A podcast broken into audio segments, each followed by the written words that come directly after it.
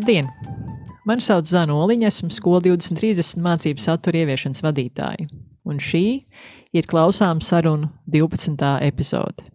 Man viesi Inta Ozola, Rīgas 7. pamatskolas direktora šobrīd, uh, un Inta ir bijusi gan uh, vienas no simts pilotskolām, Zaķu mūžas pamatskolas uh, vadītāja, un vēlāk arī apvienotās Zaķimošas pamatskolas un Ropažu novada vidusskolas vadītāja. Līdz to trīs skolu pieredzes mēs arī noteikti par to dzirdēsim šodien. Vēl mēs sarunāsimies ar Gunteru Catlaku, kurš ir bijis valsts izglītības satura centra vadītājs visus šos gadus, kopš šis projekts notiek. Un Gunteris šobrīd strādā Pasaules izglītības zinātnes darbinieku arotbiedrību federācijā un ir šīs organizācijas izpildirektors. Vēl mēs satiksim Pāvelu Pestovu, kurš šobrīd skolā 2030 vada mācību satura izstrādes struktūru vienību un atbild par vērtēšanas satura izstrādi. Tātad gan valsts pārbaudas darbiem, gan arī diagnostikas darbiem, izmantošanai skolotāju darbā. Pāvils projekta sākumā bija arī dabaszinātņu mācību jomas vadītājs, un vienlaikus visus šos gadus ir bijis un joprojām ir arī ķīmijas skolotājs un direktora vietnieks Rīgas 72. vidusskolā. Šodienas sarunu rīkojam par godu Valsts izglītības satura centra īstenotā projekta kompetenci pieeja mācību saturā, jeb tautā zinām arī kā skola 2030 piecgads datumam. 2017. gadā, 17. oktobrī, tika noslēgts līgums Valsts satura centram ar Centrālo finanšu un līguma aģentūru, lai uzsāktu šī projekta īstenošanu.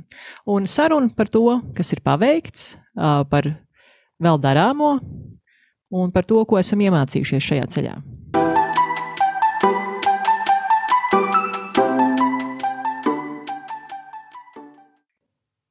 Es varbūt sākšu ar Guntaru, kurš nu, ir bijis šo darbību pašos, pašos pirmsākumos par to, kā tas viss sākās, kādēļ mums Latvijā bija būtiski pārskatīt, pilnveidot mācību saturu un pieeju, un varbūt arī kā mēs pasaules kontekstā izskatāmies domājot par šo jautājumu.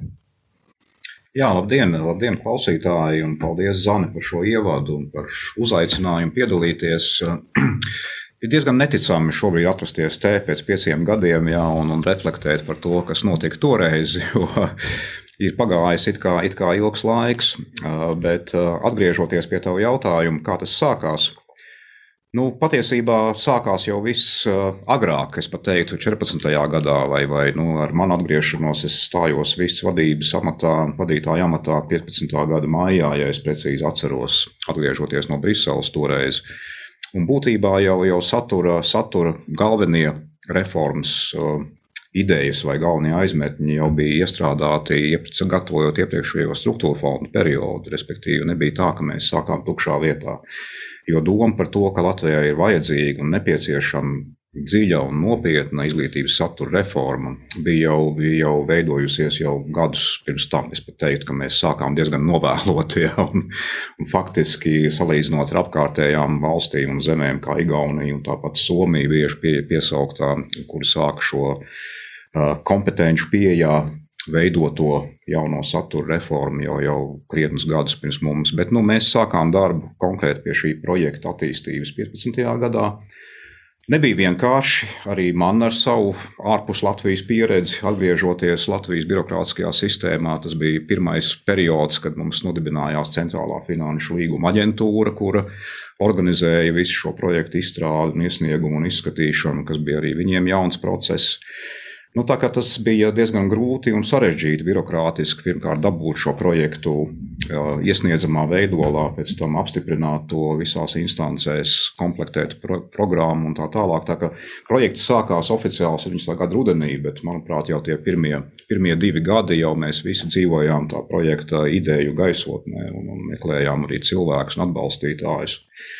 Braucu apkārt pa ļoti daudzām skolām. Nezinu, vai esmu bijis arī šeit, klātesošajās skolās kādreiz un, un stāstīju projektu ideju, pirms vēl projekts vispār bija noformējies papīra formātā, kā iesniedzams. Bet, nu, Sumāri runājot par to, ka kompetenci pieeja vai, vai, vai kompetence kā tāda, kā izglītības mēķis un kā satura veidojošais pamatu pamats, protams, nav jauna. Es nezinu, cik tālu mēs tagad ejam. Es varu turpināt, Zana, runāt, man pārtrauc, lūdzu. Bet, bet eh, jau, jau strādājot Briselē, vēl iepriekšējā periodā, protams, jau 2000. gados visās gan OECD, gan Eiropas komisijā, gan Eiropas padomē visur tapa diezgan fundamentāli un lieli, lieli uh, konceptuāli raksti par to, kas ir kompetence, kāpēc tā ir vajadzīga izglītībā, kā tā veidojas, kas ir tie ietvara elementi, lai šādu programmu veidotu. Tā kā nu, cilvēki pasaulē un Eiropā pie tās idejas ir strādājuši jau vismaz no 2000. gada sākuma. Mm. Tā kā mēs darījām, ko varējām savā, savā laikā ar saviem resursiem, un paldies visiem iesaistītajiem, un Zāni, kas piekrita iesaistīties šajā pasākumā, jā, un Pāvels un visi pārējie kolēģi. Bet nu, tā kā mēs neesam izgudrojuši neko, neko unikālu jaunu šeit, ne, protams, ka šis, šis jēdziens un kompetenci pieeja un kompetence vai izglītība mūsdienīgai lietpratībai, zānē, ja tā ir pareizi to, to saukt latviskā tulkojumā. Protams, ka mēs vienkārši darījām visu, visu iespējamo, lai, lai uzsāktu ieviest šo pieeju arī Latvijā un līdz ar to iesaistītos kopējā pasaules attīstības virzienā un straumē. Es jums pačukstēšu, ka Inta Kalva, ka ne, ka Gunters nav bijis, ne, ne Zaķos, ne Ropažos, ne arī Rīgas 7. pamatskolā. Tad Inta, nu, nu, ja mēs tagad no tāda nu, liela globāla uzstādījuma un tāda pasaules tendences um, padomājam skolas kontekstā, par ko tas ir bijis tev, kā praktiķim, kas ikdienā vada skolu. Uh, Uh, nu, tad, kad tu ej pie saviem skolotājiem, pie saviem vecākiem, pie saviem bērniem un saki, nu, mums ir svarīgi nu, šajā piedalīties, uh, ko tu viņam saki? Jā, zinu, kā ļoti interesanti tagad atcerēties to, to laiku pirms tiem pieciem gadiem, kad šīs pārmaiņas arī skāra Latvijas izglītības telpu. Un, un es, un es tiešām par to aizdomājos, ar ko tad mēs sākām kā skola. Uh, un kā mēs to darījām. Jo patiesībā visgrūtākais bija tas lēmums saprast eh, strateģiski, kā mēs skolā pārmaiņas ieviesīsim, ar ko mēs sāksim, kurus eh, cilvēkus iesaistīsim un tā. Un toreiz Zaķu mūža pamatskolā, mēs tā kā skola nebija liela, mēs vienojāmies, ka mēs skolotāji mēģināsim darīt visu nu, visi kopā. Nu, mēs mācīsimies visi kopā, un mēs tās jaunās lietas eh, ieviesīsim lēnām un par tām diskutēsim. Eh, jo tajā brīdī eh, pilotu skolas faktiski tādā formālā projekta īstenošanā mācībās iesaistījās ar savu mazo komandu. Un tad jautājums bija, vai šī mazā komanda turpināja skolā strādāt autonomi pati, vai, vai tomēr, nu, teikt, iesaistīja visus skolotājus. Un mēs to lēmumu pieņēmām, ka mēs darīsim visu kopā. Un, protams, ka tie izaicinājumi bija, un nevelti eh, Zana pieminēja arī vecākus. Uh, viens no tādiem būtiskiem izaicinājumiem bija strādāt ar vecākiem un, un mazināt šo vecāku gaidas, jo viņi nevienmēr salīdzina ar savu pieredzi. Uh, skolas, skolas ritmu šobrīd. Un tad diezgan daudz mums sanāca arī diskutēt ar vecākiem gan par vērtēšanu, gan par, par šiem akcentu maiņām un tādām lietām. Bet kopumā nu, tas, tā stratēģija bija tāda, ka mēģinam darīt visi, varbūt ne tik straujā tempā, atrast tās mazās, tos mazos solīšus, lai mēs varam ieraudzīt mazas uzvaras, nu, šajā pārmaiņu ceļā, un tad, tad arī tādā veidā stiprināt sevi. Jo, protams, ka nu, vienmēr palika tas jautājums, kā noturēt zināšanu kvalitāti, kaut ko mainot. Ja, tas bija milzīgs izaicinājums, un tādēļ bija svarīgi tiešām solīt pa solījumu doties pārmaiņu ceļā. Nu, jā, Un par to, ka, kā tad kaut kas notika, nu, tas lielākais plāns bija tāds, savā ziņā radīt jaunas sistēmas, Jo mēs diezgan ātri sapratām, ka darot to pašu, citādāku rezultātu iegūt nevar. Nu, tad nācās domāt, kā tad darīt citādāk, lai tas rezultāts būtu cits. Nu, kas ir tas cits rezultāts? Tu, tu, nu, tu teici, ka jūs baidījāties zaudēt zināšanu kvalitāti. Kas ir nu, saturiski? Nu, jūs domājat, kas ir tā pirmā lieta, ko jūs izlēmāt šogad? Mums būs svarīgi, ka mēs tiekam no šī punkta tur. Um, kas ir tā saturiskā lieta, kā tu raksturot, ko jūs mēģinājāt paveikt? Jā, nu mēs no sākuma sākām patiesībā ļoti spilgti atceros. Mēs vienojāmies, ka mums ir jāstrādā pie skolēnu pašvadības prasmēm, pašvadības mācīšanās prasmēm.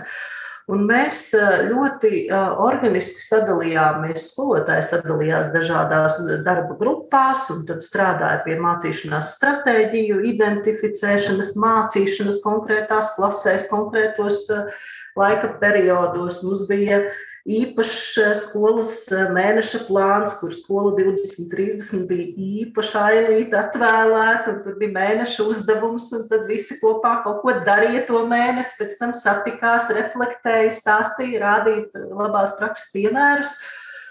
Un tas, tas, man liekas, tā skolotāja mācīšanās iegūta pilnīgi citu nozīmi. Ja? Protams, ka tam pēc tam arī ir ietekme uz skolēniem, Bet eh, faktiski projekts iedeva tādu iespēju skolotāju plašākai sadarbībai un arī iespēju izkāpt no skolas, nu, ja tā varu teikt, ja, iekļau, ie, tā teikt, iesaistīties citādākās skolotāju mācīšanās pieredzēs. Ja. Tas bija ļoti interesanti, bet mēs ļoti konkrēti sākām. Tagad strādāsim ar mācīšanās eh, stratēģijām. Nu, tad visi skolotāji konkrētās klasēs dara kaut kādas lietas, pēc tam pēc mēneša skatās, kas izdevās, kas nē, ko mēs turpinām. Jo, protams, ka tā sākotnējā ambīcija bija liela. Un, un patiesībā mēs sapratām, ka ir jāmodelē pašiem nu, kaut kādas tādas savas iekšējas sistēmas, bet tāda pilnīga izpratne un skaidrība nebija. Tad sanāk tā kā ar eksperimentiem, tu meties iekšā, tu meklē atbildes. Un patiesībā nu, redzi, ka ir lietas, kas strādā, ir lietas, protams, kas nestrādā, bet kā tad citādi? Tieši tā mēs arī gribam, lai bērni mācās, vai ne? Ar tādu praktisko pieredzi. Tā kā, protams, bija arī kļūdas un, un, un tā, bet uh, kopumā šis bija ļoti, ļoti vērtīgs laiks. Nu, te, te, tev ir trešais pieejams šobrīd, vai ne? Bija uh, zaķoja, tad ir robeža, tagad ir uh, Rīgas septītā pamatskola. Ir, um, paskatoties atpakaļ, tagad ir iespēja trešo reizi darīt, vai ir kaut kas, ko tu šobrīd dari ar citādu skatu, vai ķeries no kaut kāda citāda punkta klāt nekā tad, kad teici, bija sajūta, ka nu, mēs īsti neesam pārliecināti, zinām, ko mēs darām. Mēs arī jā, klausītājiem pieteikšu, ka mēs dzirdam zvanus no Intas skolas. Es to viņam tikko, tikko, tikko iznākusi no, no, no stundas vēroju, vērošanas. Mēs ar Pāvelu un Guntaru sēžam studijā, dzīvajā šeit, lai vienkārši to, to, tos dažādos skaņu, skaņu kontekstus mēs varam, varam arī saklausīt un saprast. Tagad ar trešo piegājienu, vai ir kaut kas, ko tu šobrīd dari citādi kā skolas vadītāja, nekā tad, kad tu pirmo reizi, vai tieši, tieši esi sapratusi, kas ir tas, ar ko vienmēr ir būtiski iesākt? Jā, es, es domāju, ka tā lielākā atšķirība ir par strateģisku redzējumu, kas šobrīd ar šo piecu gadu pieredzi ir cits. Es, es zinu, kur es gribu nonākt, un es jau varu ļoti konkrēti izvirzīt tādus ļoti skaidrus mē, šos soļus ceļā uz mērķi. Tas ir pilnīgi citādāk pieeja plānošanai. Man šobrīd jau ir nu, teikt, runājošā siena ar konkrētiem sasniedzamiem skolas eh, rezultatīviem rādītājiem, kvalitatīviem, kvantitatīviem prioritātēm.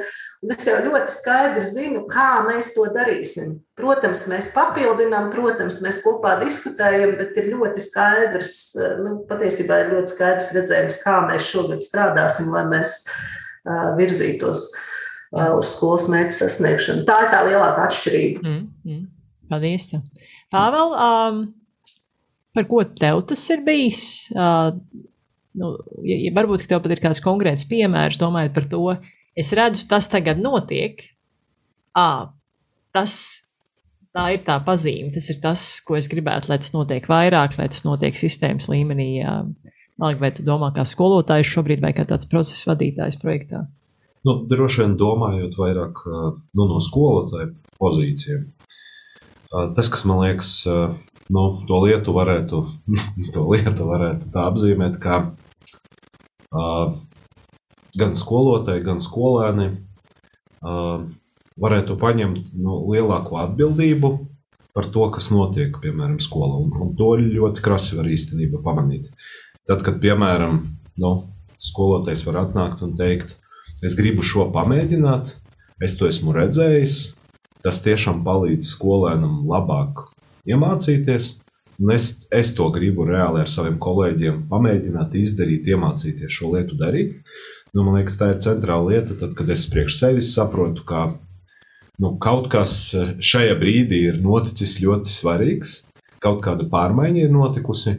Jo īstenībā tas, par ko mēs runājam, man liekas, es to arī sev atklāju darba procesā. Tas, par ko mēs runājam, mēs runājam par ieradumu maiņu.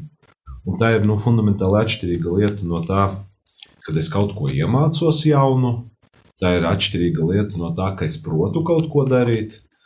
Bet mainīt ieradumus, nu, domājot, ka šo lietu es esmu darījis 10, 20 gadus, pareizi vēl ar stundu skaitu, ja, un pēkšņi es tagad iedomājos, ka man vajadzētu to darīt citādāk. Tas ir nu, milzīgs izaicinājums, un tādu procesu nu, no punkta A līdz punktam B aizvest. Nu, prasa pavisam citādus arī nu, nosacījumus. Noteikti tas, kas, tas, ko es sajūtu, nu, arī kā skolotājs, ka tas pārmaiņas var notikt tikai tad, kad ir nu, atbalsts skolas līmenī. Ja vienīgais, kas tev ir atbalsts nu, no ārpuses, ar to noteikti nepietiek, lai, lai to nu, konkrētas izmaiņas aiznestu līdz klases līmenim. Un otra lieta, ko es pie, sevis domājot nu, par šiem jā, pieciem gadiem, es domāju, ka uzsākot un pietaku, pie, piesakoties no projektam, es īsti tajā brīdī nedomāju par to, nu, par cik dziļām pārmaiņām mēs īstenībā runājam. Nu, ļoti bieži tomēr nu, tā sajūta ir tāda, ka tu nu, stundu darīsi citādāk, un, un viss jau notiek. Bet īstenībā mēs runājam tiešām nu, par ļoti tādam dziļam pārmaiņam, kā mēs domājam, kā cilvēks vispār mācās, kā mēs domājam par to, ko mēs gribam iemācīt, un kā mēs kā kolēģi nu, sadarbojamies viens ar otru. Man patīk ļoti, neatceros tagad, kur es esmu dzirdējis, bet uh, vienalga, ka ļoti liels izaicinājums dabūt eh, nu, to domu no skolotājiem. No tā, ka viņš nāk uz darbu nu, klasē, uz to, ka viņš nāk uz darbu uz skolu. Un ka mūsu nu, reāli kopīga atbildība ir, ir, ir aizvest bērnu tālāk. Nevis nu, es vienkārši mācu ķīmiju, es to izdaru, izēju ārā un ar to viss beidzās. Un, nu, un, un, un tā pārmaiņa nu, nevar īstenībā notikt no tā, ka kāds man to izstāsta, vai, vai, vai, vai kāds man to pasaka, ka tā vajag darīt. Nu, ir arī milzīgi izaicinājumi, ka tas pārmaiņas notiek nu, tiešām nu, dziļākajā struktūrā. Un, un, un, un tur ir arī savs risks, man liekas, tas, ko es esmu redzējis arī. Gan, gan arī pats nu, mēģinot kaut ko pamainīt, ka ir ļoti viegli īstenībā palikt tajā virspusē. Nu, spilgts piemērs, ja kādam vajag to sasniedzamo rezultātu, nu es to uzrakstīšu, to sasniedzamo rezultātu uz tāfeles. Bet, nu, ja tas ir vienīgais, ko es esmu izdarījis, tad mēs ļoti labi saprotam, nu, ka nekas īsti nav mainījies. un, un svarīgi, ka pie tā nepalikt, saprast, kāpēc tas tur ir, ko ar to darīt un ko tas nozīmē bērnam. Un, un tas ir, nu, es varētu teikt, ka es pats esmu. Nu, Šajā ceļā pret vairākām nu, lietām. Kaut kādas lietas jau šobrīd notiek, un sanāk, bet kaut kādas lietas ir vēl nu, pašam jāmācās tiešām uz to dziļāko struktūru dabūt. Nu, kā ķīmijas skolotājs, tomēr ir kaut kāds piemērs, ka tu, tu šobrīd, jo, jo es domāju, tas, kas, ko es arī izjūtu uz projektā, cik ļoti mums īstenībā, mums gan visi projekta cilvēki ir skolotāji, kas turpinājuši visu šo laiku strādāt skolās.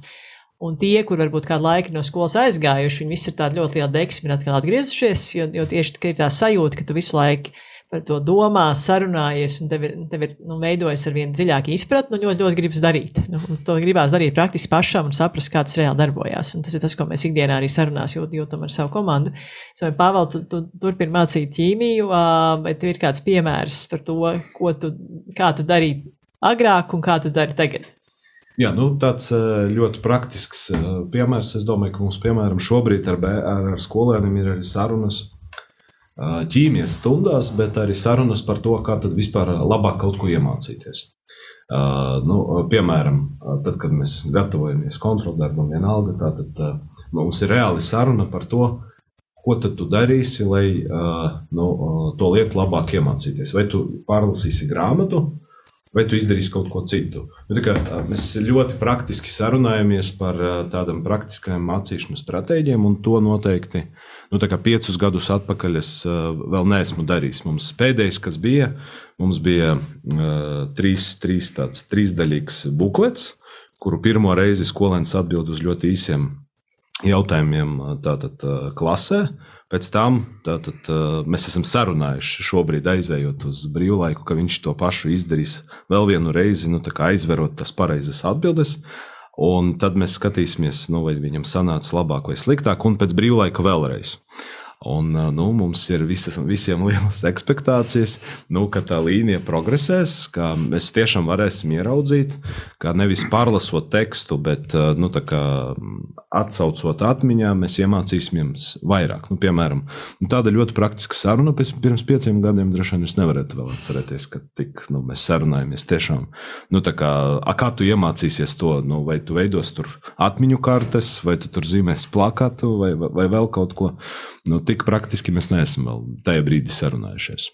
Inta, tev uh, ienāca ideja? Jā, es klausījos Pāvelu un es domāju par, par sevi kā par skolotāju, jo es vienmēr esmu bijusi arī skolotāja, neatkarīgi no tā, vai es vadu skolu vai, vai esmu vadības komandā.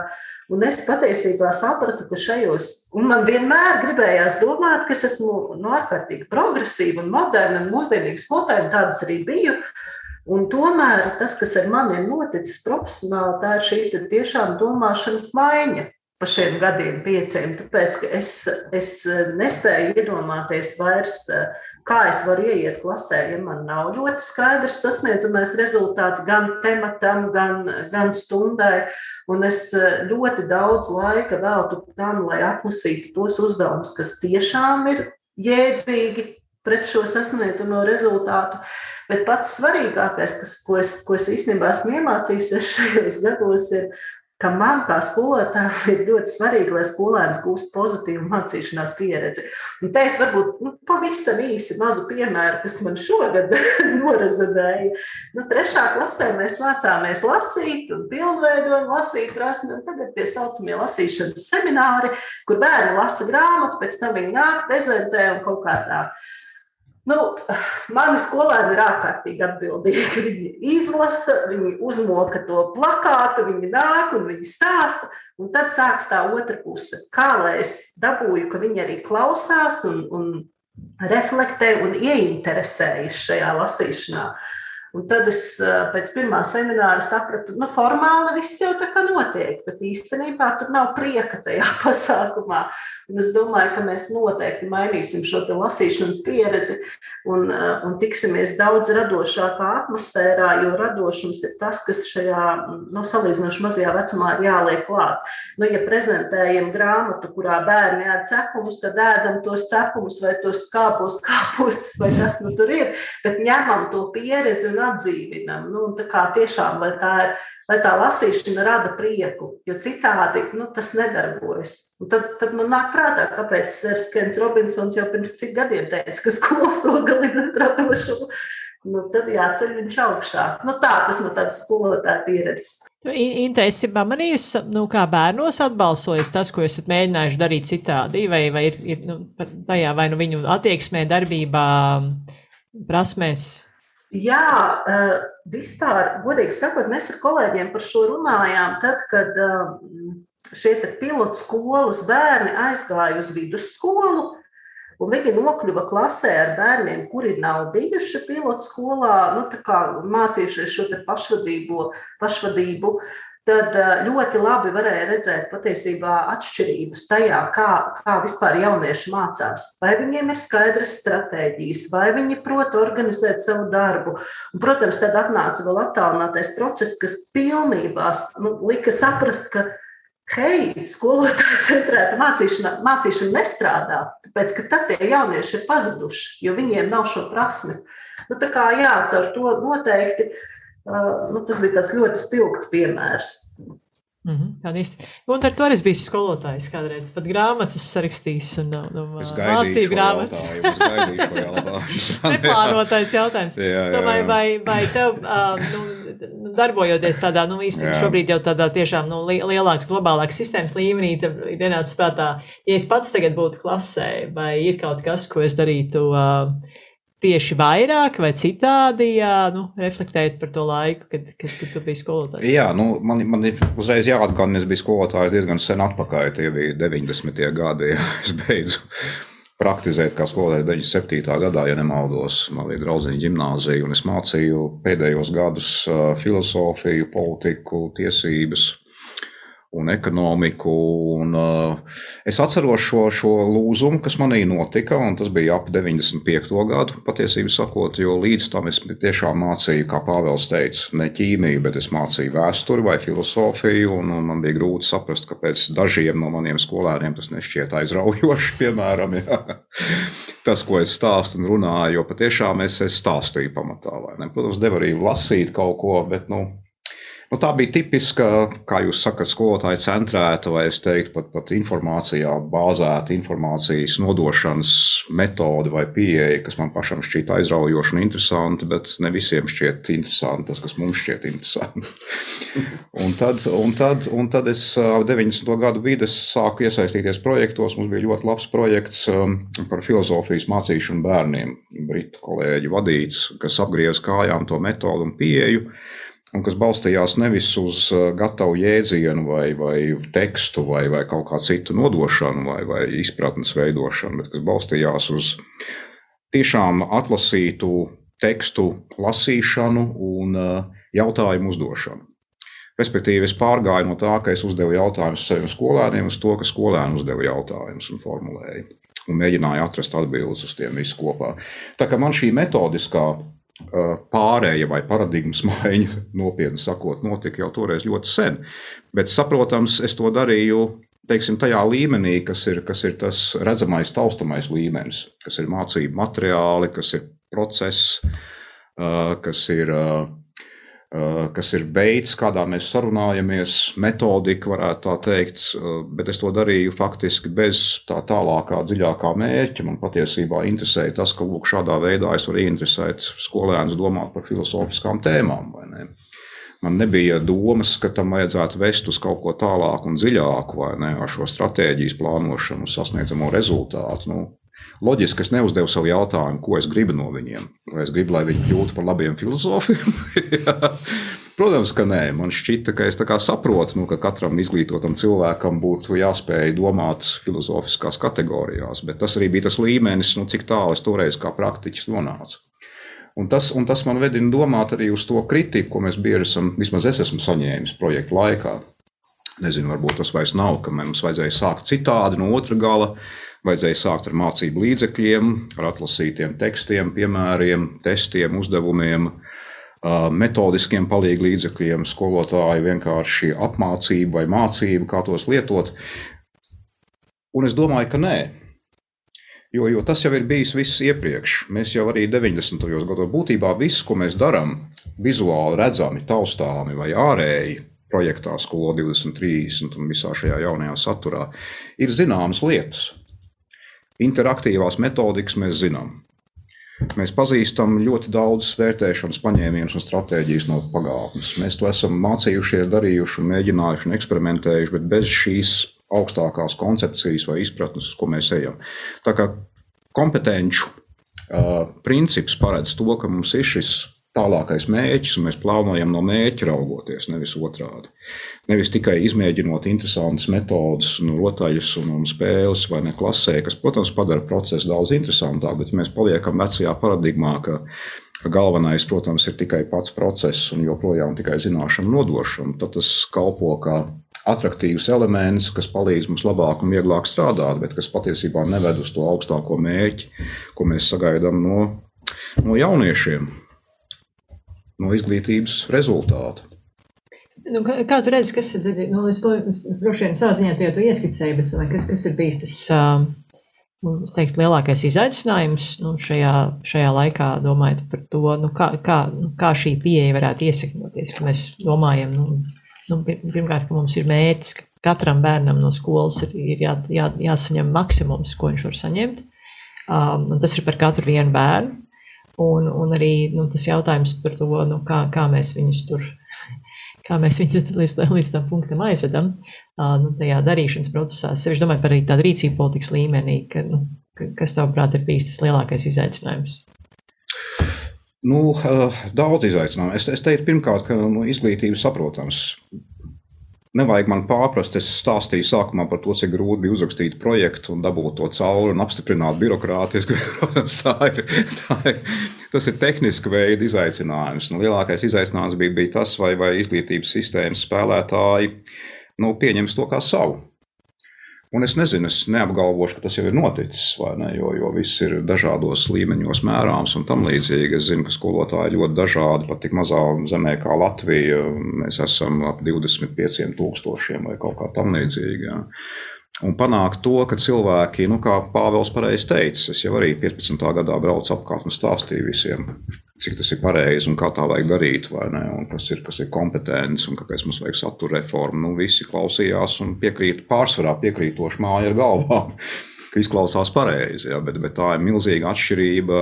Pirmkārt, ja tu par to dzirdi vai par to lasi, Pat ja tu to pārdomā ne, un, un izproti un saproti, ka tā ir pareizi, bet tad nonāk līdz praksē, ka to var ieviest. Un, un, un tieši tā to nevar ieviest viens atsevišķs skolotājs klasē vai priekšmetā. To var ieviest tikai kolektīvs kopumā, kuriem ir šis kopējais redzējums un kopējās pieejas un metodika. Tas bez šaubām ir milzīgs izaicinājums. Mēs atkal darījām, ko varējām. Es, es nevaru teikt, ka tas ir atrisināts. Es domāju, tas joprojām ir klātesošs. Droši vien, ka arī, arī skaidrošanas darbs vēl ir, vēl ir jāturpina, vai ne, un, un jāsaprot, kāpēc, kāpēc zināšanas nepazūd, kāpēc zināšanas ir svarīgas, kāpēc patiesībā zināšanas ir tikai tās, ko tas skolēns pats ir izdomājis beig, beigās skolotāju vadībā. Tā, tas viss vēl notiek. Pieci gadi izglītības reformai ļoti īsts laiks. Es nedomāju, ka mēs šobrīd, skatoties, varam, varam spriest par rezultātu īstenībā. Mēs redzēsim to, ka tiešām tie bērni, kas būs gājuši cauri, šīm skolām, kuras īsteno šo pieeju, kad viņi nonāks vai no augstskolās, vai beigs vidusskolu, vai ies tālāk dzīvē, un mēs varēsim vērot, ka cilvēki ir citādi. Viņi domā un uzvedās citādi, nekā mēs esam pieraduši to sagaidīt no iepriekšējām paudzēm. Tā kā tas viss ir procesā, es domāju, ka tas laiks ir milzīgs izaicinājums. Viens ir skolotāju pārņemšana to kā savu, kas vienmēr turpināsies un nekad nebūs simtprocentīgi. Otrs ir laiks.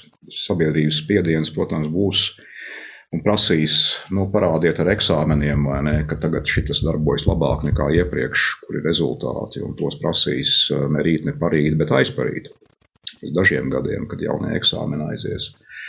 Bet, bet īstenībā noturēt šo spiedienu, saprast, ka mēs darām pareizas lietas, pat ja mēs nevaram demonstrēt ātrus uzskatāmus, redzamus, izmērāmus rezultātus. Man šķiet, tas ir, tas ir ļoti, ļoti būtisks izaicinājums. Mm. Vēl kā tev liekas šobrīd, domājot par to, kas iespējams, ka tas izaicinājums joprojām nav nekur pazudis, ka tas ir un ka tas ir tas, ar ko mums ir nu, jā, jāsaprot, kā mēs ar to sadzīvojam, ko mēs ar to darām, kā, kā tu redzi šobrīd, kāds ir nu bijis vai šobrīd lielāks izaicinājums. Uh, nu jā, viena lieta droši vien es jau pieteicu iepriekš, nu, ka, ka īstenībā tas ir, nu, pirms mēs redzam to kā praksi, mums tiešām nu, tas izaicinājums ir lielāks, nu, saprast to pēc būtības, uh, nu, ka, par ko tas ir pārmaiņas, nepaņemt, nu, nepaņemt tikai to virsējo kārtu. Man liekas, tas, tas ir nu, ļoti milzīgs izaicinājums. Tā ir viena lieta, otra lieta Nu, kā pirmkārt, nu, neskatoties uz, uz neko, protams, nu, pārmaiņas var redzēt nu, četros tādos līmeņos. Man liekas, viņas ir labi konceptualizētas. Nu, pirmais, ka vispār cilvēks piekrīt tai idejai, nu, un te Gunārs mums iezīmē, ka jā, cilvēki māja ar galvu. Tas nozīmē, ka pieciem gadiem jā. nu, labi, nu, vajag izmēģināt atkārtot. jā, varbūt kaut kas mainījies. Bet, nu, Bet nu, cerēsim, ka tā ideja ir eh, joprojām, no, eh, mēs atbalstam to vīziju. Uh, otra lieta, nu, ka, ka man kā skolotājam, kā praktiķim, nu, es apgūstu šīs jaunas zināšanas, izpratni. Uh, un, un tre, trešā lieta ir tas, ka es iemācos to darīt. Un, un tikai ceturta lieta ir tas, ka mēs jau redzam nu, tas pārmaiņas arī skolēnos. Un, protams, to ceturto līmeni dabūt ir, ir daudz lielāks laika jautājums nekā par pieciem gadiem. Tas ir skaidrs. Nu, droši vien katram skolotājam ir individuāli, bet visdrīzāk nu, tas ceļš ir ejams caur šiem četriem soļiem. Un, un otra lieta, jā, un trešā lieta, man liekas, ka tiešām nu, mums daudz vairāk ir jārunā par nu, skolu kā organizāciju, kas mācās. Nu, citādi, man liekas, ir ļoti bīstami arī skatīties uz reformu, nu, kas, kas ir sākusies piecus gadus atpakaļ, un tur pēc noteikta laika, pēc septiņiem gadiem beidzās, un darbs ir izdarīts. Ja. Nu, aizvien vairāk tomēr ir, ir pilnīgi skaidrs, ka jebkura valsts, un es domāju, nu, Latvija noteikti nav izņēmums, grib, lai skolēni iemācās vairāk, izprot lietas dziļāk. Tur ir ļoti laba saistība ar to, ka nu, faktiski apgūstot un iemācoties vairāk, ļoti labi saistība ir pat ar dzīves ilgumu, ar pieņemtiem lēmumiem un kas tur kas tur. Līdz ar to nu, t, t, tas mērķis ir tajā, kur ir jāieguldās. Taču ļoti nozīmīgi, ka mēs uzreiz arī saprotam, nu, ka mēs turpināsim mācīties, nu, ka, ka, ka faktiski gribot labāku rezultātu un citādāku rezultātu. Mums nepārtraukti vajadzēs mācīties un attīstīt arī savas nu, jaunas prasmes. Nevis tas, ka pieci gadi pagājuši, vēl divi būs gatavs. Nu, man liekas, tā, tā ir liela bīstamība tā domāt nu, par, par, par šiem ļoti nozīmīgiem pārmaiņām. Es domāju, tas konteksts, ar ko tu ikdienā darbojies, ir vērtēšanas konteksts, kas ir bijis ļoti, ļoti svarīgi un sastāvdaļa no visas tās pilnveidotā satura un pieejas uh, idejas. Um, nu, tu vari mums iezīmēt nu, tādus pieturas punktus. Nu, š, šīs ir tās prakses, kuras ir, nu, ir bijušas vai ir šobrīd spēcīgas, kas ir tas teiksim, nākamais līmenis, uz kuru nu, gribētu, ka mēs tiekam, domājot par vērtēšanas praksēm skolās. Jā. Nu jā, man, man, man liekas, ka vērtēšana ir laba tajā ziņā, ka uh, mēs varam skaisti kā, sarunāties un piekrist mācību saturam un arī nu, pieejam noteiktam. Uh, Bet vērtēšana ir interesanta ar to, ka tā ļoti daudz izgaismo. Nu, kā, kā patiešām mēs par kaut ko domājam. un, un līdz ar to caur vērtēšanu, man liekas, arī kaut kādas lietas daudz precīzāk var ieraudzīt. Un uh, būtiskākais ir, uh, nu, vērtēšanai var būt ļoti daudz un dažādi mērķi. Monitorings, uh, kvalitātes nodrošināšana, izaugsmas mērīšana.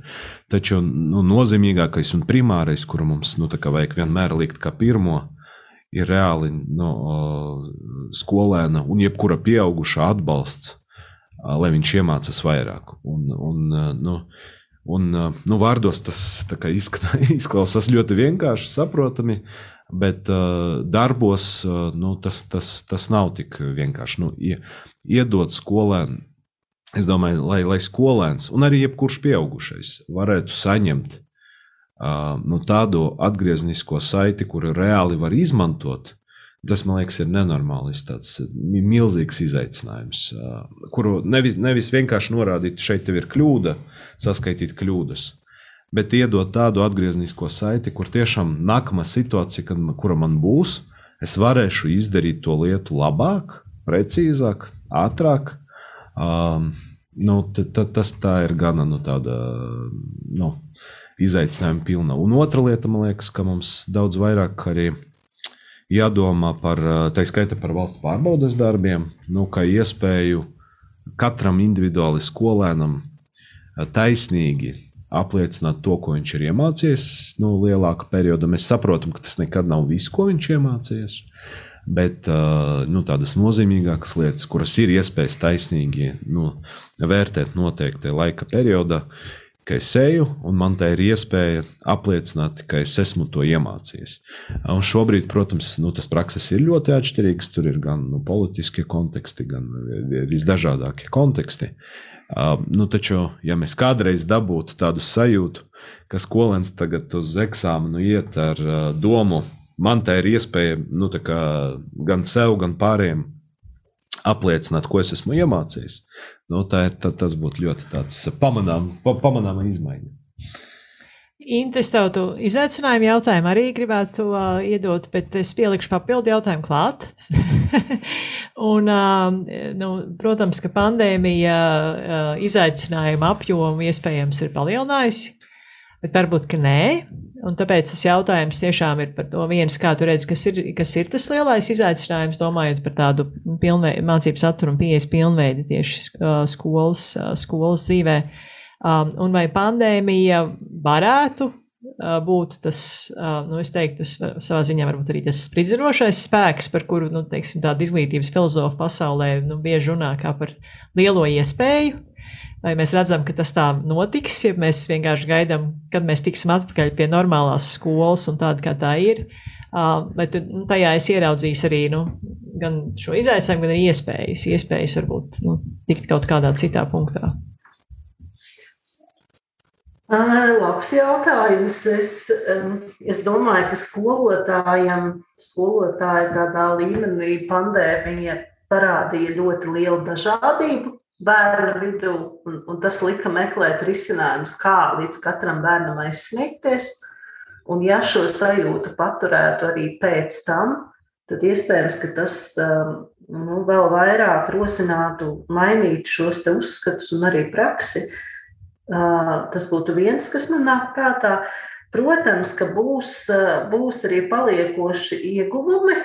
nu, piemēram, digitālā pratība skolotājiem gada pusotra laikā, man liekas, uzlabojās. Kā es nu, smējos ar kolēģiem, runājot, mūsu piecgadas plāns nekad nebūtu tik ambiciozs, cik daudz mēs paveicām šajā pusotrā gadā. Uh, Tas tā kā no tāda tehnoloģiju lietošanas un jēgpilnības, bet kas vēl parādījās, un, un protams, ka mūsu skolotāji bija ārkārtīgi pārslogoti, bet mums parādījās laiks esošajā laikā pieslēgties pie kolēģa stundā, jo visas stundas nebija tiešsaistes stundas. Un tas radīja vēl kaut kādu citu veidu mācīšanās iespējas skolotājiem. Un, un to es arī patiesībā no pagājušā gada pieredzes novērtēja kā vislielāko ieguvumu.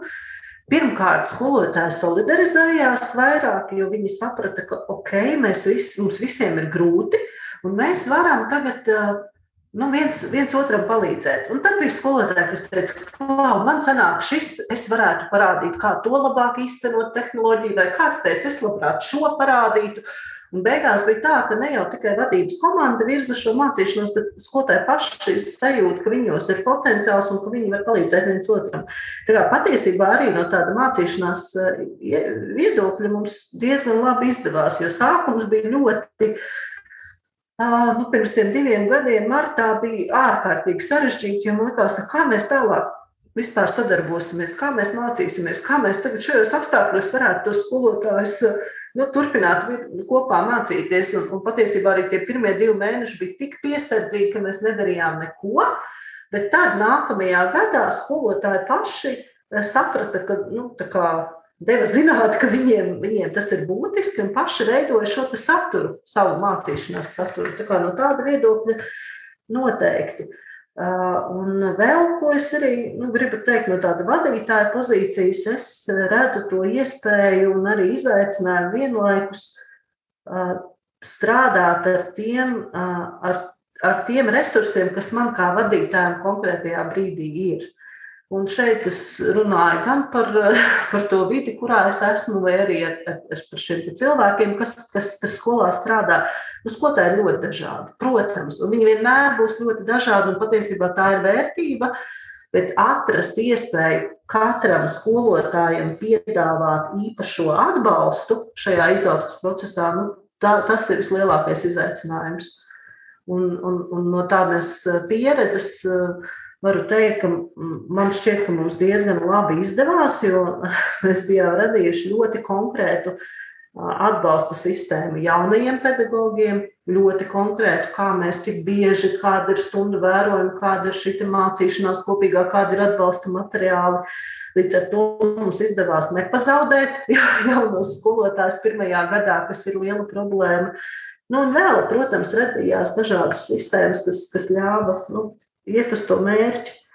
Nu, kaut kā tā, bet eh, kopumā, protams, zināšanas par jautājumu un, un par pārmaiņām tas ir viens, bet uzskati un prakse tas ir drusku kaut kas cits. Tur ir diezgan liela plaisa joprojām. Un tad mēs bieži esam dzirdējuši, ka vajadzēja satura reformu atcelt dēļ pandēmijas, jo tādēļ, ka nu, tie izaicinājumi ir pārāk lieli. Un nu, mums viss laiks jāpavada šobrīd, lai mēs vispār dabūtu bērnus fiziski klasēs un saprastu, kā mēs viņus testēsim, maskas un viss pārējais. Nu, es domāju, gan Latvijas līmenī, vai, gan pasaules līmenī, vai tu redz, ka vajadzēja, vajadzēja atcelt satura reformu dēļ pandēmijas? Nē, es tādu neredzu. es domāju, ka nē, lai gan bez šaubām, ka pandēmija visu, mūs visus iesvieda vai ne situācijā, kas nebija nedz, nedz prognozēta, nedz arī pieredzēta iepriekš. Bet, bet, bet, bet tā mūs arī piespieda, mūsu, es domāju, jūsu skolotājus pamatā Latvijā piespieda paskatīties uz procesu un strādāt citādi, kas kaut kādā mērā arī sasaucas pat ar jauno reformu, es teiktu, satura reformu. Un es, es nepieminēju trešo lielo izaicinājumu, es turpināju domāt par tavu iepriekšējo jautājumu. Un trešais lielais izaicinājums būtībā ir personalizācija. Mācīšanās, personalizācija, tur tika pieminēta pašvadīta mācīšanās bieži vien. Ļoti būtiska daļa jaunajā satura reformā, domājot no izglītības programmas un no, no skolo, skolēnu puses, ir jaunais vidējās izglītības modelis ar izvēļu groziem.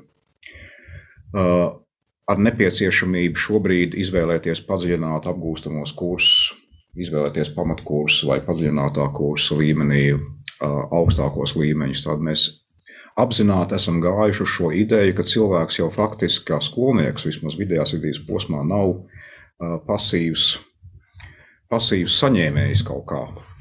Ka cilvēks būtībā jau diezgan agrā vecumā ir, ir, ir, ir spiests un viņam ir nepieciešamība izvēlēties, ko viņš vai viņa tieši apgūs un kā tas būs noderīgi viņam tālākajā dzīvē. Es domāju, ka tā ir ļoti liela un ļoti būtiska satura reformas daļa, un tas ir viens no izaicinājumiem, ko mēs, man liekas, neesam pietiekami dziļi un, un, un vēl nopietni pārdomājuši. Un personalizācijas sakarā, protams, tehnoloģijām ir sava loma. Un tas ir tas, ko es, es redzu un vēroju arī manā laikā, kad mēs uzsākām šo tādu procesu. Protams, risks ir tas, ka izglītības modelis, kurš ir vērsts uz specializāciju, iedziļināšanos un individuālām izvēlēm, un vienlaikus, kurā ļoti un pieauguša liela nozīme ir tieši tehnoloģiju izmantošanai un attālinātai mācīšanai, viņš rada gan milzīgas iespējas, gan liels izaicinājums. Pirmkārt, skolēni, protams, jūtas un ir daudz individuālāki. Katrs pats par sevi faktiski, un šī dalība kopējā, kopējā stundā vai kopējā klases diskusijā vai tam līdzīgi ir ierobežota ar tehnoloģijām. Vienlaikus tas ir milzīgs stimuls attīstīt šīs pašvadītās mācīšanās prasmes un savus intereses. Viņi var iedziļināties vairāk tur, kas viņus vairāk interesē, un iet dziļumā tas vairs nav vienas klases darbs uz vidējo, tā, kas ir ļoti ierasta metode vai ne izglītības sistēmās. Protams, tas rada ļoti liels nevienlīdzības riskus rezultātā. Arvien lielāka nozīme ir tam, kāda ir mājas apstākļi, kāda ir, kāds ir intelektuālais konteksts un fons. Jā. Kāda ir ģimenes situācija, ar ko vecāki runā ar šo bērnu vai, vai jaunieti attiecīgajā vecumā, kas ir viņa kas ir viņa cits interešu lokus un tam līdzīgi. Un, protams, ka šeit ir iespēja daļai izkrist, palikt ārpusē, kaut kur nepiedalīties, bet lielai daļai ir iespēja arī iet tālākā dziļumā un attīstīt pašiem sevi. Tā kā te ir Nu, mums ir jāprot izbraukt starp skilu un haribu, kaut kā pārnesot, izsakoties, vai ne? Ka mēs nepazaudējam tos, kurus ir ļoti viegli pazaudēt šādā procesā, bet mēs arī neapturam iet tālāk un dziļāk un vairāk tos cilvēkus, kuri, kuri spēj to darīt. Tas ir saistīts gan ar izvēļu groziem, ar to, ko es mācos vairāk un dziļāk, gan arī ar to, kā es mācos. Es nemācos vairs tikai kā viens no grupas ar visiem kopā, bet man ir arī sava individuālā atbildība, pieeja un intereses, kuras eju dziļāk un tālāk un vairāk. Mm. Um, ir pieci gadi pagājuši, nu, daudz ir darīts, dažādi cilvēki ir iesaistīti. Kam jūs gribētu pateikt paldies? Inta?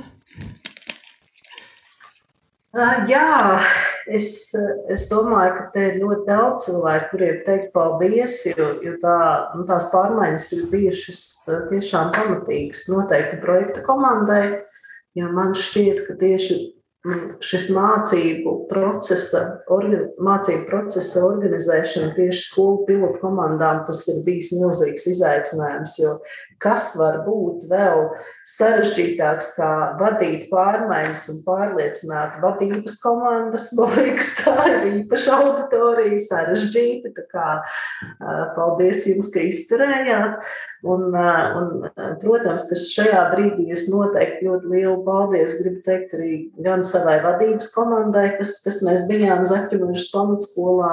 Un tiešām tas bija ārkārtīgi tāds eh, dinamisks, bet ļoti interesants un ļoti vērtīgs darbs, ko mēs kopā paveicām. Protams, arī skolotājiem. Un arī bērniem, jo patiesībā viņi stīvējās, bet pēc tam viņi ļāvās. Tikai tādēļ arī tas, tās pārmaiņas bija iespējamas. No nu tā. Mm. Gunter, kā tev liekas? Jā, nu, šī ir reta iespēja pateikt paldies uh, visiem Latvijas skolotājiem, kuri bija aktīvi dalībnieki visā šajā procesā. Es uh, minēju, sāk atgriežoties pie projekta izstrādes un maniem ceļojumiem pa Latviju, stāstot par kompetencēm. Um, protams, ļoti būtiski bija tas, ka mēs nepaturējām šo projektu šaurā personu lokā kas varēja būt viens scenārijs, ka mēs aicinām komandu no ekspertiem, ne, un, un šie cilvēki strādā pie satura. Kas varbūt būtu bijis īsāks un efektīvāks veids, bet bija ārkārtīgi svarīgi, ka mēs no paša sākuma arī veidojot, sākot darbu pie satura, aicinājām tajā iesaistīties praktiķus, Latvijas skolotājus, pasniedzējus, Zani var labot, ja es pareizi atceros, bet mums bija vairāk kā 600 pretendenti. Man šķiet, ka mēs sludinājām pirmo konkursu 17. gadā uz, uz satura izstrādes vietām. Līdz ar to tas entuziasms vai ne, un, un tā skolotāju vides vēlme tomēr pēc pārmaiņām bija, bija ļoti, ļoti liela. Un, un paldies visiem, kur toreiz noticēja projektu idejām un iecerēm un satura reformai. Un, un noteikti vēl lielāks paldies visiem pārējiem, kur pēc tam cenšas un joprojām cenšas tās ieviest dzīvē un īstenot. Kā vēl? Jā, nē, nu, droši vien viens paldies ir noteikti projekta komandai, kas nu, ar nemitīgiem izaicinājumiem un ar ļoti dinamisku vidi, bet nu, tomēr nu, tā spēja pielāgoties dažādiem apstākļiem ir tiešām nu, bijusi apbrīnojama. Man noteikti arī es gribētu arī nu, pateikt paldies arī savai skolai, kur es strādāju, tāpēc ka nu, tik lielu atbalstu visdažādākam jaunam idejam. Nu, grūti iedomāties. Es, es īstenībā tagad skatoties atpakaļ, Es domāju, ka nevienu manu priekšlikumu nu, neapteica. Mēs vismaz, eh, tas nenozīmē, ka mēs visu novedam līdz galam, bet nebija nu, kā, nevienas manas idejas, kuras nu, teicu, nē. Tu. Nu, domājot vispār par, eh, es domāju, ka atslēga, nu, mēs visi piekrītam un, un zinām to arī, ka atslēga, jebkura veiksmīga reforma ir paliek skolotājs. Tas ir, nu, nav, nav, nav diskusijas jautājums. Un tas, ko skolotājs dara klasē, arī man liekas, ir ļoti labs salīdzinājums, ka tas ir nu, tā kompetence. Ir līdzīga kaut kāda veida nu, braukšanai ar riteni. Tāda nozīme, ka to nevar nu, vienkārši kādam izstāstīt, un viņš varēs to izdarīt. Uh, tur, tur ir jāmēģina, uh, bet ar atbalstu.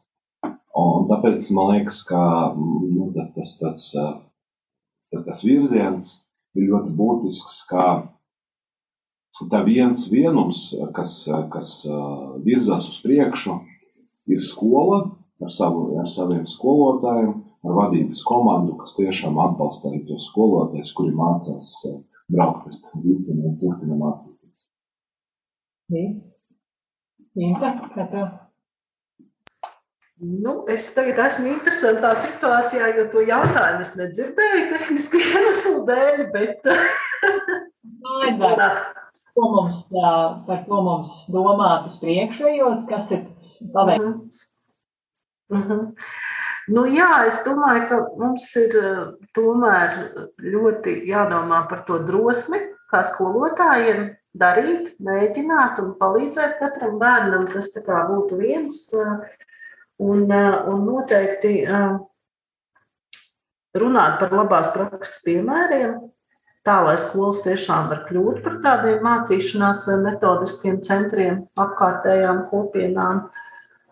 Un, un tiešām uzkrāt tos labās prakses piemērus un stiprināt skolu vadības komandas. Nu, tas, tas būtu tāds liels, liels uzdevums. Ļauties pārmaiņām. Mm. Jā, nu, es teiktu, es teiktu, protams, nu, es arī varu tikai piekrist, ka skolotāji jau ir skolotāju kompetence, ir atslēga visam līdz ar to. Es nezinu, vai tas ir mājas darbs tieši jums kā projektam šobrīd, jā, bet es teiktu no sistēmas viedokļa, tas, ka mums valstī ir nepieciešama nopietna jauna un, un, un ilgspējīga skolotāju profesionāls pilnveids sistēma, kas ir man acīm redzama. Šķiet, ka tas ir viens reformu virziens, kur, kur būtu jāstrādā droši vien ne tikai izglītības ministrijai, ne tikai valsts visaptvaru centram, bet droši vien arī visai pedagoģu kopienai un jādomā par to, kā mēs varam nonākt pie, pie jēdzīgas, ilgspējīgas skolotāju profesionāls pilnveids sistēmas. Tas būtu, tas būtu man šobrīd šķietami, pirmšķietami šķiet varbūt galvenais, varbūt vēl iztūkstošais, vēl pirmais, pirmais reformas elements. Bet, eh, bet kopumā sakot, nu, pārtraucējot rāini, jāsaka, vēl darbs nav galā un nebeigsies. Nezinu, kurš kuram palīgājies, bet, bet saprotams, ka to nevar izdarīt viens projekts. Tur ir jābūt ļoti, ļoti, ļoti labai sadarbībai starp visiem iesaistītajiem darbiniekiem šajā visā lietā. Jā, protams, ka arī skolas 2030 darbs turpinās. Šobrīd vēl ir vairāk lieli izstrādes virzieni, gan vērtēšanas satura izstrāde turpinās, tad valsts pārbaudas darbu izstrādes, izstrādi. Tāpat arī vidusskolā gan padziļināto kursu mācību līdzekļu izstrāde, izstrāde pašlaik ļoti aktīvi notiek un turpinās. Mēs vidusskolā jaunu nu, arī tādu uh, prasību uh, uzsākam ieviest, kas ir projekta darbs katram skolēnam, lai pabeigtu vidusskolu, kas, kas, kas es ceru, ka arī ļaus mums pārvērtēt, nu, kas ir tās ikdienas prakses, lai mēs uh, skolēnus tam sagatavotu. Un visur, visur no pirmsskolas līdz skolai tas mūsu ļoti, ļoti centrālais nu, uzmanības lokus būtu tiešām, kā mēs būvējam šīs ilgspējīgās sistēmas, uh, lai uh, skola ikdienā turpinātu mācīties, un gan plānot saturu, gan īstenot, gan vērtēt skolēnu sniegumu um, ar, šo, ar šo mērķi, nu, par to, ko mēs vēlamies, lai viņš ir iegūs rezultātā, un uh, kā mēs viņu varam atbalstīt uh, ļoti daudzveidīgos veidos uh, šajā virzībā uz, uz tiešām tādu uh, nu, pašnoteikšanos nu, šobrīd skolā, mācību procesā un tālāk arī dzīvē. Uh, noslēgumā es gribētu lūgt no jums padalīties un, un, un ar to, kur tad lai es ņemu to savu iekšējo resursu, kur jūs ņemat savu resursu, lai šos liel, šādus liels mērķus sasniegtu. Nu, varbūt jums ir kādi ieteikumi mums pārējiem arī, kā, nu, kā turpināt, kas ir tas, kur jūs smeļaties profesionālajā, nu, savā darba, darba dzīvē, uh, nu, gandarījumu, enerģiju, uh, entuziasmu, uh, mērķtiecību, uh, kas ir jūsu recepti. Varbūt, ka mums ar pārējiem nodara. Gunter, kā tevi?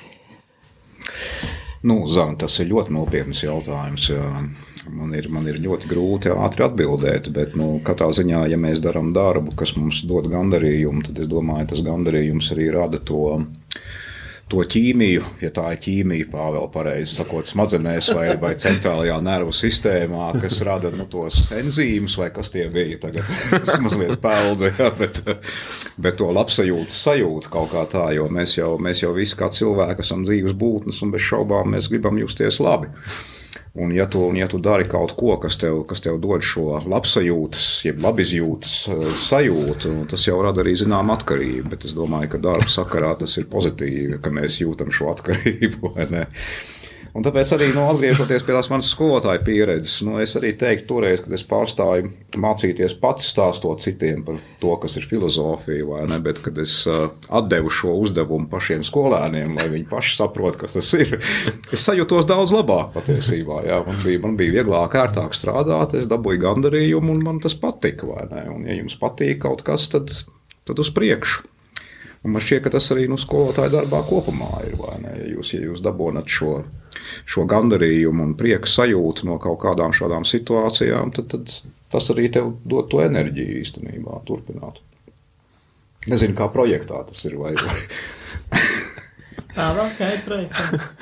Man liekas, Gunter tikko ar savu tādu personīgo pieredzi ļoti nu, pētījuma rezultātus, atbalstīja, atbalstīja ar savu piemēru.